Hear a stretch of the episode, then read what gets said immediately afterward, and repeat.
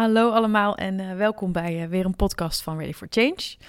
Uh, ik zit hier nu voor de derde keer op rij samen met mijn collega Bianca. Hi. En um, we hebben al twee eerdere podcasts opgenomen over ja, welke factoren eigenlijk een beetje onderliggend kunnen, kunnen zijn aan een verslaving. En um, we wilden ook wat vertellen over sociale contacten, sociale vaardigheden. Um, ja, en op wat voor manier dat belangrijk is en, uh, uh, en problemen daarmee een rol kunnen spelen um, in verslaving. Um, allereerst, uh, Bianca, kun je iets vertellen over waarom we eigenlijk dit onderwerp erbij hebben betrokken of waarom, het, waarom wij dat belangrijk vinden? Ja, zeker. Um, nou ja, sowieso um, hè, merken we gewoon dat, dat, uh, ja, dat ieder mens eigenlijk, uh, hè, maar dus ook de mensen die uh, bij ons komen, um, dat het gewoon heel belangrijk is om een, hè, een bevredigende daginvulling te hebben. om, om het gevoel te hebben dat je Um, ja, dat je gewoon tevreden bent met, uh, met je leven. Um, dat je een doel hebt in je leven. Maar wat daar dus ook heel erg bij hoort, is dat je dus ook een bevredigend sociaal systeem hebt. Dus hè, uh, voldoende mensen uh, om je heen um, waar je terecht kan. voor sommige mensen zijn dat, zijn dat heel veel mensen. Voor sommige mensen kan het ook zo zijn dat dat één of twee goede vrienden zijn. voor sommigen is het juist misschien wat meer familie. Um, maar dat het wel heel belangrijk is om je, uh, om je verbonden te voelen met, met mensen om je heen. Hè? Um, ja, wij, wij, zijn, wij mensen zijn gewoon eigenlijk sociale dieren. Um, en uh, ja, we kunnen eigenlijk niet, niet echt alleen leven. Dus we hebben gewoon mensen uh, om ons heen nodig eigenlijk. Ja, ja. En wat maakt dan, hoe hangt dat dan samen met verslaving eigenlijk? Zijn er dan meer problemen of... Um, zijn mensen met verslaving, hebben die, ja, zijn die eenzamer? Of, of hoe hangt dat samen eigenlijk? -hmm. um, nou ja, dat kan een beetje, uh, kan op meerdere manieren eigenlijk. Hè. Soms is het zo dat, uh, dat mensen inderdaad um, uh, ja, zich al meer eenzaam voelen of bijvoorbeeld weinig sociale contacten hebben.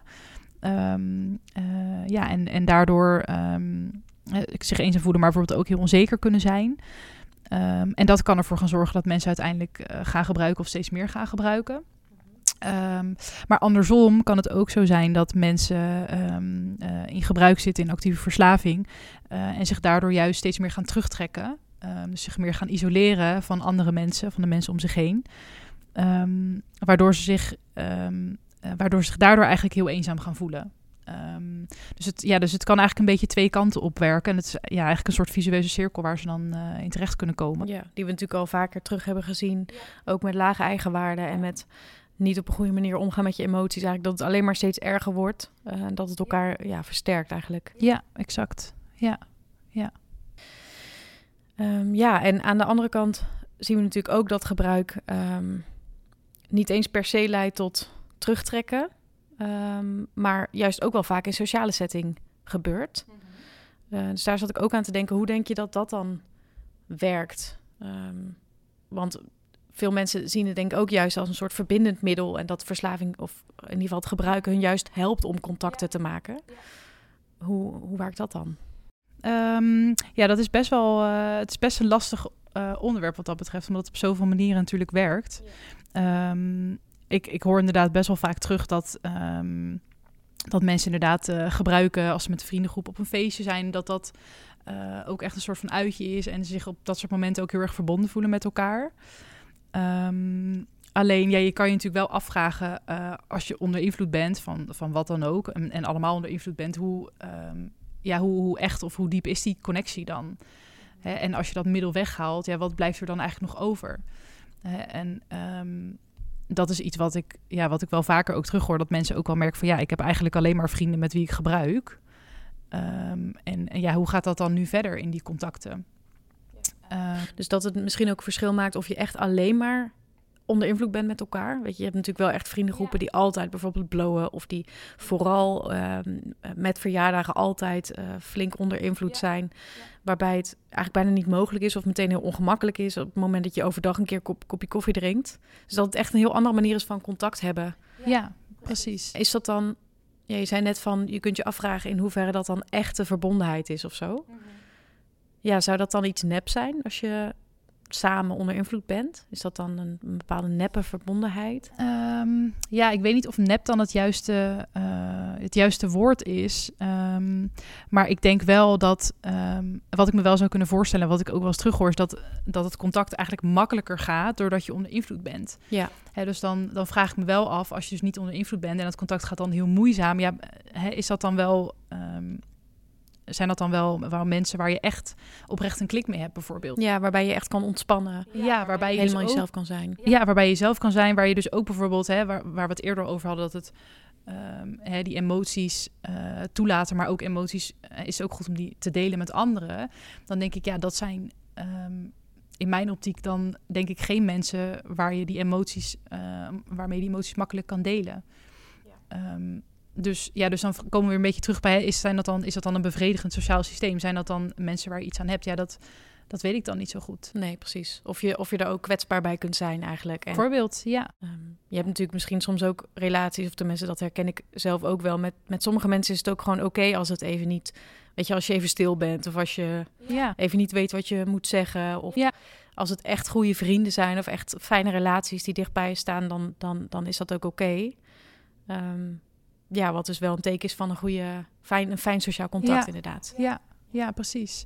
Ja, en ik denk dat soms ook wel, um, hè, want zo'n feestje bijvoorbeeld, of als je met, met een groep vrienden bent dat, uh, en je bent aan het gebruiken, dat kan natuurlijk op dat moment hartstikke fijn zijn. Um, maar tegelijkertijd kan je denk ik uh, daarin ook weer heel eenzaam voelen. Hè, het is niet zo dat als je veel mensen om je heen hebt, veel kennissen, veel vrienden, dat je dan automatisch niet eenzaam bent. Nee. Um, ik denk dat, dat het niet eenzaam zijn, dat dat meer te maken heeft met echt een diepere connectie met iemand hebben. Uh, en dat is natuurlijk voor iedereen verschillend hoe zo'n connectie dan aanvoelt. Hè. Voor de een is dat, uh, weet ik veel, urenlang filosoferen en hele diepe gesprekken voeren. En voor een ander is dat misschien ander. Samen vissen of zo. Bijvoorbeeld. Iets leuks doen. Ja, of... iets doen of zo. Um, um, en ik kan me voorstellen dat voor mensen uh, in actieve verslaving dat dus inderdaad samen gebruiken ook zo voelt. alleen ja, als je dat gebruik dan weghaalt, wat, wat blijft er dan over? Ja. En dat kan best wel eenzaam zijn dan ook, denk ik. Ja, dus dat je gewoon te midden van heel veel mensen ook eenzaam kunt voelen. Ja. Dat is ja. inderdaad wel iets wat, uh, waar mensen ook aan moeten wennen. En dat idee soms van, uh, ja, maar ik heb veel mensen om me heen. Ik voel me, nee, ik voel me nooit alleen of ik ben nooit alleen. Mm -hmm. Dat kan, dat je nooit alleen bent, maar alsnog eigenlijk eenzaam voelt en ja. die diepere connectie moeilijk ja. vindt om te maken, omdat het moeilijk is om je open te stellen. Ja. Ja, ik merk ook wel dat mensen dan soms daardoor ook wel um, ook weer een beetje boos kunnen zijn op zichzelf. Van nou, hè, hoezo kan ik me nou eenzaam voelen? Want ik heb toch, ik heb nog het geluk dat ik mijn ouders nog heb, bijvoorbeeld. Terwijl bij die of die vriend ja, zijn de ouders overleden. Of exact, ja, dan, dan, ja, ik kan me ook voorstellen dat dat dan best wel raar voelt. Hè? Uh, maar in die zin is eenzaamheid natuurlijk ook, um, het is ook niet iets wat je altijd kan vermijden. Eenzaamheid hoort natuurlijk ook bij het leven. Um, maar dat kan, ja, dat kan best wel heel lastig zijn. Uh, ja, en um, want los van echt die diepere connectie, um, die dus ook gaat over um, het, het je openstellen, kwetsbaar opstellen, eerlijk zijn, emoties aangaan. Ja, dus eigenlijk ook wel een beetje samenhangen met de eerste podcast die we hebben opgenomen. Ja. willen we het ook hebben over eigenlijk meer een beetje de, de praktische vaardigheden die nodig zijn in sociaal contact. Dus denk vooral dan aan communicatie. Uh, maar ook um, contacten onderhouden, um, initiatief tonen, plannen. Dat soort dingen zijn natuurlijk ook allemaal belangrijk. Uh, want welke vaardigheden zie jij vaak waar het mis in gaat? Um, ja, ik denk overkoepelend komen we altijd een beetje terug op, uh, op assertiviteit. dus op een gezonde manier communiceren met een ander eigenlijk. Um, dat is iets waar, ja, waar je toch wel merkt dat, het, um, dat of iemand niet geleerd heeft om dat op een, op een goede manier te doen, of, um, of mensen om zich heen heeft die totaal niet assertief communiceren, waardoor het voor jezelf ook heel lastig wordt om op een uh, goede manier te communiceren. Want wat, wat is dat precies dan, assertiviteit? ja, dat is een beetje een, uh, een vage term misschien. Um, maar eigenlijk ja, komt het er een beetje op neer dat je in communicatie eigenlijk um, dat er en ruimte is voor de ander zijn mening bijvoorbeeld. Als je met elkaar in gesprek bent, dat je de ander in zijn waarde laat. Uh, en dat je tegelijkertijd ook uh, je eigen mening kan geven. Dat er ook ruimte is voor, voor jouw stuk. Hè, dus dat je wederzijds uh, begrip voor elkaar toont. elkaar uit laat praten bijvoorbeeld. Um, hè, en dat het niet zo is dat bijvoorbeeld de een heel dominant is in het gesprek, waardoor jij bijvoorbeeld heel erg gaat terugtrekken en eigenlijk niks meer durft te zeggen. Ehm, hè, of andersom kan het natuurlijk ook zo zijn. Uh, dus eigenlijk gewoon dat er voor, voor beide, beide partijen gewoon ruimte is om, uh, ja, om, om zijn zegje te doen eigenlijk. Dat je elkaar daarin ook in je waarde laat. Ja. Um, en dat is natuurlijk best wel, best wel heel lastig. Dat is iets wat ieder mens overigens uh, lastig vindt. Ik vind dat zelf soms ook nog steeds lastig. Uh, ook omdat er natuurlijk soms in communicatie ook gewoon allerlei emoties bij komen kijken. Ja. Um, maar wat ik wel zie is dat, um, ja, dat bij mensen in verslaving, en dat komt natuurlijk ook doordat ze lange tijd gebruikt uh, hebben, dat assertief communiceren gewoon best wel heel lastig is. Ja. Dus een beetje wat je benoemt, dat het of de ene kant of de andere kant vaak op of soms opschiet. Ja. Hè? Dus of dat mensen inderdaad meer de stijl zich hebben aangeleerd van meer dominant zijn. Ja. Um, dus meer ruimte innemen, meer um, eigen mening doordrukken of eigen gelijk willen halen. Of ja. nou ja, eigenlijk zich groter maken dan de ander. Ofwel juist een wat meer um, nou, onderdanige houding aannemen, even overdreven gezegd. Dus zich wat kleiner maken. Uh, subassertief noemen we dat ook wel. Hè? Dus ja, eigenlijk meer over je grenzen heen laten gaan. Ja. Um, en soms ook allebei, dat je eigenlijk niet gezond opkomt voor je eigen grenzen, voor wat jij belangrijk vindt, maar je wel een beetje dominant gedraagt. Dus er is ook vaak best wel veel ruis, merk ik, in uh, hoe mensen met anderen omgaan uh, in hun omgeving. En al helemaal als je langere relaties hebt of helemaal vastzit eigenlijk in een systeem, dan, ja, dan sluipen dat soort um, dingen er ook wel een beetje in, in hoe je met elkaar communiceert. Ja klopt. Ja, en ik denk wat, um, eh, misschien om daar nog een concreet voorbeeld bij uh, te noemen, om het wat misschien wat duidelijker te maken. Hè. Ik denk dat heel veel mensen uh, bijvoorbeeld wel herkennen. Um, dat als je bijvoorbeeld, um, nou ja, thuis qua huishouden, als de een meer doet dan de ander bijvoorbeeld, dat, ja, dat je dan toch, dat als jij degene bent die meer in het huishouden doet, dan ga je op een gegeven moment vaak daar toch bijvoorbeeld aan irriteren. Uh, maar goed, je wil dan ook niet te veel zeiken, dus je houdt dat voor je. Maar dan op een gegeven moment, hè, dan komt het er toch ineens uit en dan is het heel, of passief-agressief bijvoorbeeld. Hè, dus dat je een beetje, um, een beetje soort van lullige opmerkingen eigenlijk maakt om eigenlijk te laten doorschemen dat je het niet chill vindt. Uh, of je wordt ineens bijvoorbeeld heel dominant, terwijl als je al hè, wat eerder uh, op een wat meer assertieve manier had aangegeven van hé, hey, ik vind het eigenlijk niet zo chill wat je doet, um, dan, dan zorgt dat eigenlijk voor heel ander contact. Ja. Ja. Um, ja, dus dat. Um, en, en dat is natuurlijk gewoon, ja, dat is gewoon heel lastig. En dat is voor iedereen heel lastig. En hoe kun je, kun je daar dan iets aan veranderen? Ja, dat is een goede vraag. Um, dat is natuurlijk niet iets wat, uh, wat van de een op de andere dag gebeurt, helaas. Uh, dan hadden wij hier ook niet gezeten, denk ik. um, ja, het is, het is in eerste instantie natuurlijk um, herkennen en erkennen wat je, wat je doet. Dus ga gewoon eens kijken van nou, wat, wat, wat doe ik nou eigenlijk in communicatie? Wat is mijn neiging? Ben ik geneigd om wat meer dominant te zijn? Ben ik geneigd om juist wat meer onderdanig, dus subassertief te zijn? Um, en als je dat weet, dan kan je wat meer gaan onderzoeken. Oké, okay, wanneer, wanneer gebeurt dat bijvoorbeeld? Is dat bijvoorbeeld um, omdat ik uh, op een bepaald moment me onzeker voel? En ga ik daardoor dan dus uh, me terugtrekken of ga ik daardoor juist heel erg mezelf opblazen? Um, en als je dat wat meer onderzocht hebt, dan kan je ook gaan denken: oké, hoe kan ik dat dus op een andere manier voortaan uh, aangeven? Hoe kan ik bijvoorbeeld um, op een assertieve manier feedback geven over iets wat ik eigenlijk niet zo fijn vind? Um, en dat uh, ja, vergt heel veel oefening. dat uh, kost gewoon best wel veel tijd. En hè, wat daarbij ook goed is om je te realiseren, sommige dingen die vind je gewoon van nature wat lastiger. En dat is ook oké. Je hoeft niet altijd alleen maar perfect te assertief te communiceren. Dat is ook niet reëel. Dat lukt mij ook niet overigens. Um, maar je kan, je kan er wel aan mee oefenen. Ja, ja dus um, ik denk ook wat je zegt van... enerzijds gaat het dan over wat, ge wat gebeurt er eigenlijk allemaal in je hoofd? Wat voor gedachten heb je? Ook weer samenhangend met hoe je naar jezelf kijkt en naar anderen kijkt... en wat, wat je automatische gedachten daarover zijn. Ja. Maar vervolgens ook wel gewoon... wat zijn echt je gedragen, je, je neigingen in het gedrag... en dat ook gewoon maar oefenen in, in behandeling doen we bijvoorbeeld wel eens rollenspellen. Dus echt, uh, sommige mensen hebben er een hekel aan. Maar het is wel echt een van de meest krachtige manieren om gewoon eens te ervaren hoe het is als je uh, je stem verheft. Weet ik niet per se dat je dat hoeft te doen, maar juist in het echte leven dan. Maar wel om, om eens te ervaren hoe dat voelt. En uh, om meer je mannetje te staan of je vrouwtje te staan. Um, dus, uh, dus die twee gedachten van wat er in je gedachten gebeurt en hoe, je, hoe dat zich weer uit in je gedrag uh, en die samenhang onderzoeken. En ik dacht ook nog aan um, dat het, het stukje aannames en invullingen van wat de ander denkt of gaat doen of zal willen of wat dan ook. Dus eigenlijk invullen wat een ander denkt, dat dat ook wel vaak een thema is, hè? Wat, Ja. eh, wat een rol speelt bij Ja. communicatie. Zeker. Eh, want hoe zie jij dat dat wel eens misgaat? Ehm, nou, dat, komt eigenlijk, dat gaat eigenlijk best wel vaak mis, merk ik. Eh, in de zin van, eh, kijk, wij zijn als mens sowieso allemaal geneigd om wel eens aannames te doen over wat andere mensen van ons denken. Dus dat, ja, dat is ook heel menselijk. Ehm, alleen, eh, ja, mijn ervaring is wel dat die aannames eigenlijk bijna nooit kloppen. Ehm, en het lastige is dat op het moment dat, dat je zo'n aanname doet en je gaat daar dus ook naar handelen, dus je gaat dan ook op een bepaalde manier die communicatie aan of het gesprek aan, ja, dan, dan ontstaat er eigenlijk ook een soort van ruis. Ehm, en meestal leidt dat niet echt tot een eh, bevredigend resultaat, zeg maar. Ehm, dus ja, dus dat is best wel heel, eh, best wel heel lastig. En Ja, het is een hardnekkige, hè? Die, eh, die ja, het is echt heel hardnekkig. Ja. hardnekkig. Ja, ja.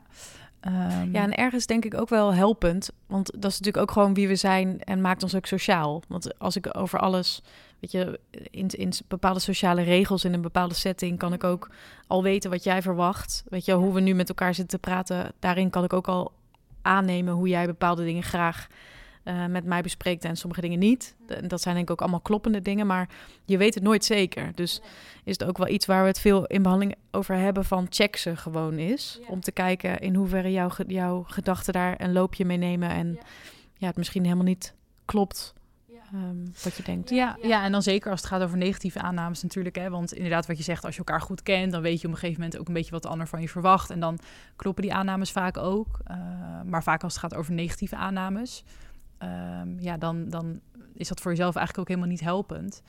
Ehm, en het lastige is, en daarom zijn ze ook zo hardnekkig natuurlijk, is omdat het wel vaak ehm, eigenlijk heel goed aansluit op je kerngedachten. Hè, zoals we in de vorige podcast ook, eh, in de vorige aflevering bespraken. Ehm, dat zo'n aanname vaak zo'n kerngedachte bevestigt. En dat maakt het ook heel lastig, omdat die kerngedachte geloof je vaak ook al heel sterk in. Ehm, en inderdaad, ja, het belangrijk is om het, om het dan te checken, want anders dan blijft het continu, blijft die gedachte ook steeds actief.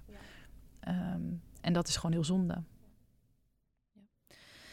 Ik zat nog te denken, ehm, we hadden het net natuurlijk over als je gebruikt, of als je verslaving vooral plaatsvond in een sociale setting en, en ehm, nou, op wat voor manier je vriendschappen zich dan ontwikkelen en nou ja, of dat dan goede relaties zijn of niet en waar dat dan van afhangt en dat soort dingen.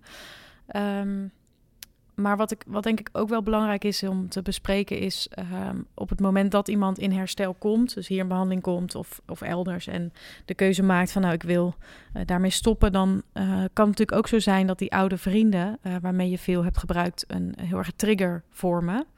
Dus je doen denken aan gebruik, de trek doen toenemen of dat je gewoon ja, zo moet wennen aan ehm, elkaar op een andere ma- manier zien dat het misschien wel helemaal niet meer mogelijk is om die vrienden ehm, te blijven behouden en dat ze echt afscheid moeten nemen van mensen.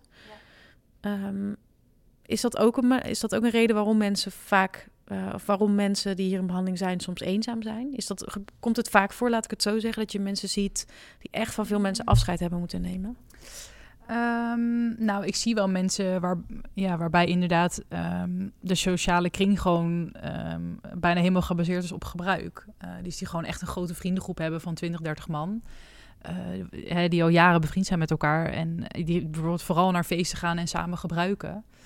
Ehm, of, of vrienden, ja, dat als ze afspraken dat ze altijd bijvoorbeeld samen een joint gingen roken.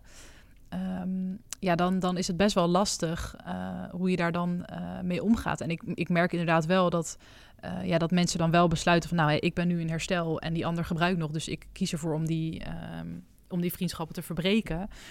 Ehm, dan, ja, dan kan dat best wel leiden tot eenzaamheid. Ja, wel heel pijnlijk eigenlijk. ja. En misschien ook wel afhankelijk eh, van of mensen wel rekening met je willen houden. Ik bedoel, je kan natuurlijk Ja. ook zeggen... Ik merk ook wel dat veel mensen zeggen... ja, maar zo ging het altijd, dus ik kan ze niet meer zien. Mhm. Terwijl als ze worden aangemoedigd om het gesprek aan te gaan van oké, ik ehm, soms weten mensen ook helemaal niet dat dat als moeilijk wordt ervaren of dat het Mhm. onbewust als trigger kan werken. Ja. Dus denk ik dat het ook wel belangrijk is om dat dan weer assertief, om die maar terug te laten komen, aan te geven van ja. nou, ehm, maak daar zelf je keuze in, maar weet dat ik het lastig vind en dat ik het fijn zou vinden om ehm, nou ja, zonder gebruik een keer eh, een wandeling te maken samen of Ja. wat dan ook. En ja, als iemand daar helemaal geen rekening mee wil houden, kun je je afvragen of dat iemand is die inderdaad ondersteunend is herst- in herstel. Ehm, en als dat wel zo is, ehm, ja, misschien juist wel. Ja. Ja, en ik hoor ook wel van mensen terug dat ze eigenlijk uh, soms bijvoorbeeld ook wel heel verbaasd zijn. Uh, hoeveel rekening daar eigenlijk met hun gehouden wordt als ze aangeven van hé, hey, uh, dit is het traject waar ik nu in zit. Ik ben gestopt met drinken, dus ik zou het fijn vinden als, je, als je niet drinkt als je bij mij bent, dat mensen daar eigenlijk heel chill op reageren. En dan kan het ook wel voor opnieuw verbinding zorgen, denk ja. ik. Ja, al is het al omdat mensen um, die uh, in actieve verslaving zijn geweest, hebben dat middel natuurlijk altijd als heel belangrijk gezien en als heel centraal. Mm -hmm, ja. Dus ze denken vaak van ja, dan ga ik niet zomaar van iemand vragen dat hij uh, met een verjaardag niet drinkt. Terwijl mensen die niet een verslaving hebben, het verschilt natuurlijk per persoon, maar vaak zeggen die ja, weet je, boeit mij dat wijntje. Uh, mm -hmm. De relatie is veel belangrijker. En voor mensen ja. met een verslaving is dat soms niet uh, moeilijk in in te leven, omdat dat, ja. omdat dat zo centraal heeft gestaan. En zo ja. als, als eerste levensbehoefte eigenlijk voelde bijna. Dat, ja. Uh, ja. Ja, klopt. Ja, dat is inderdaad wel heel herkenbaar. Uh, wat ik, uh, dat hoor ik ook wel vaker terug. Inderdaad, dat mensen inderdaad zoiets hebben van: oh ja, ja, voor anderen is dat natuurlijk helemaal niet waar hun leven om draait, om dat middel. En voor mij is dat natuurlijk wel zo. Ja. Um, uh, dus, dat, ja, dus dat is ook altijd wel weer een, een interessante realisatie, denk ik. Ja, van hoe vertekend dat beeld eigenlijk is. Hè? Ja, precies. Ja. Ja. ja, en sowieso wat ik ook zit te denken. Uh, op het moment dat je stopt met gebruik, um, komt er vaak heel veel tijd vrij. Dus, dus überhaupt al hoe, um, ja, hoe, hoeveel je eigenlijk met je tijd kunt doen en, en wat je daar eigenlijk allemaal mee wil. En dan komt ook weer het, ge het gevaar van die verveling uh, weer om de hoek ja. kijken van hoe ja. ga je daarmee om.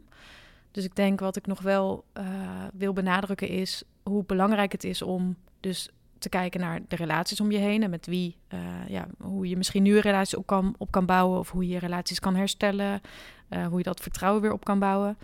Um, maar ook sowieso wat je doet eigenlijk in je dagelijks leven en, en of dat bevredigend is, of je fijne dingen doet, of je je zinvol voelt, of je een fijne baan hebt of desnoods een vrijwilligersbaan of um, ja, wat dan ook. Echt wel ook uit veel onderzoek gebleken hoe belangrijk uh, dat is in herstel en dat... Um, ja, dat dit trek ook gewoon veel minder wordt als je veel leuke dingen hebt die jou, ja, um, ja het is natuurlijk heel logisch, maar die, die jou op een gezonde manier wat dopamine geven uh, zonder, uh, zonder extreme, maar die je wel gewoon, nou ja, um, een fijn gevoel geven eigenlijk. Ja. Ja. ja, ik denk ook inderdaad dat dat, dat het heel belangrijk is. En ik denk ook wel dat, wat ik vaak ook wel terughoor, is dat mensen ook wel merken van... hé, hey, maar ik kan ook echt weer van die kleine dingetjes genieten. Dus gewoon even een kop koffie drinken met een vriend... in plaats van dat we ons helemaal klemzuipen. Um, dat dat ook echt inderdaad voor zo'n dopamine kan zorgen. Gewoon even, gewoon even die connectie aangaan, een andere vorm van intimiteit. Ja. Um, dat, dat dat ook veel, veel meer waardevol wordt eigenlijk. Ja, ja. hoe spannend ook. Mm. Ook, in, in, uh, ook in liefdesrelaties, dus, dus echt met een partner... Um, hoor ik ook wel vaak, ook in familiegesprekken... En eerder hebben, heeft natuurlijk Lennart uh, en Linda hebben daar natuurlijk ook over, ja. het over gehad, over hoe dat voor hun relatie was. Ja. Um, maar ja, hoe, hoe, dat, hoe ze eigenlijk ook weer opnieuw moeten ontdekken uh, hoe die relatie eigenlijk werkt en hoe dat contact eigenlijk werkt en of dat ja. nog wel werkt. En dat ja. zijn allemaal wel ja, vragen waar je mee aan de slag moet. Dus um... ja, en ik denk dat daarin um, ook een stukje uh, vertrouwen uh, heel belangrijk is, wat ja. weer teruggewonnen moet worden. Hè? Want vaak in relaties Um, zeker met je partner, hè, maar ook met oude relaties of andere mensen om je heen. Um, ja, je hebt toch vaak in verslaving dingen gedaan, uh, zoals liegen of manipuleren bijvoorbeeld, die toch invloed hebben gehad op de relatie in negatieve zin. Dus, dus daar is ook een stukje vertrouwen wat weer teruggewonnen uh, moet worden. En ik denk uh, juist door inderdaad dingen te ondernemen met die mensen, uh, nuchter, laat je ook een andere kant van jezelf zien. Door ook bijvoorbeeld kwetsbaar te zijn, emoties te delen.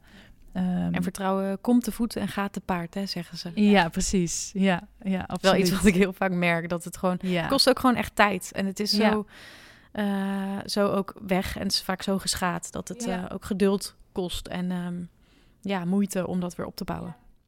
Ja, ik denk dat dat sowieso met alles is wat we in deze drie uh, afleveringen hebben besproken. Uh, als je het ook hebt over gedragsverandering, uh, het herstellen van relaties, dat, dat kost gewoon tijd.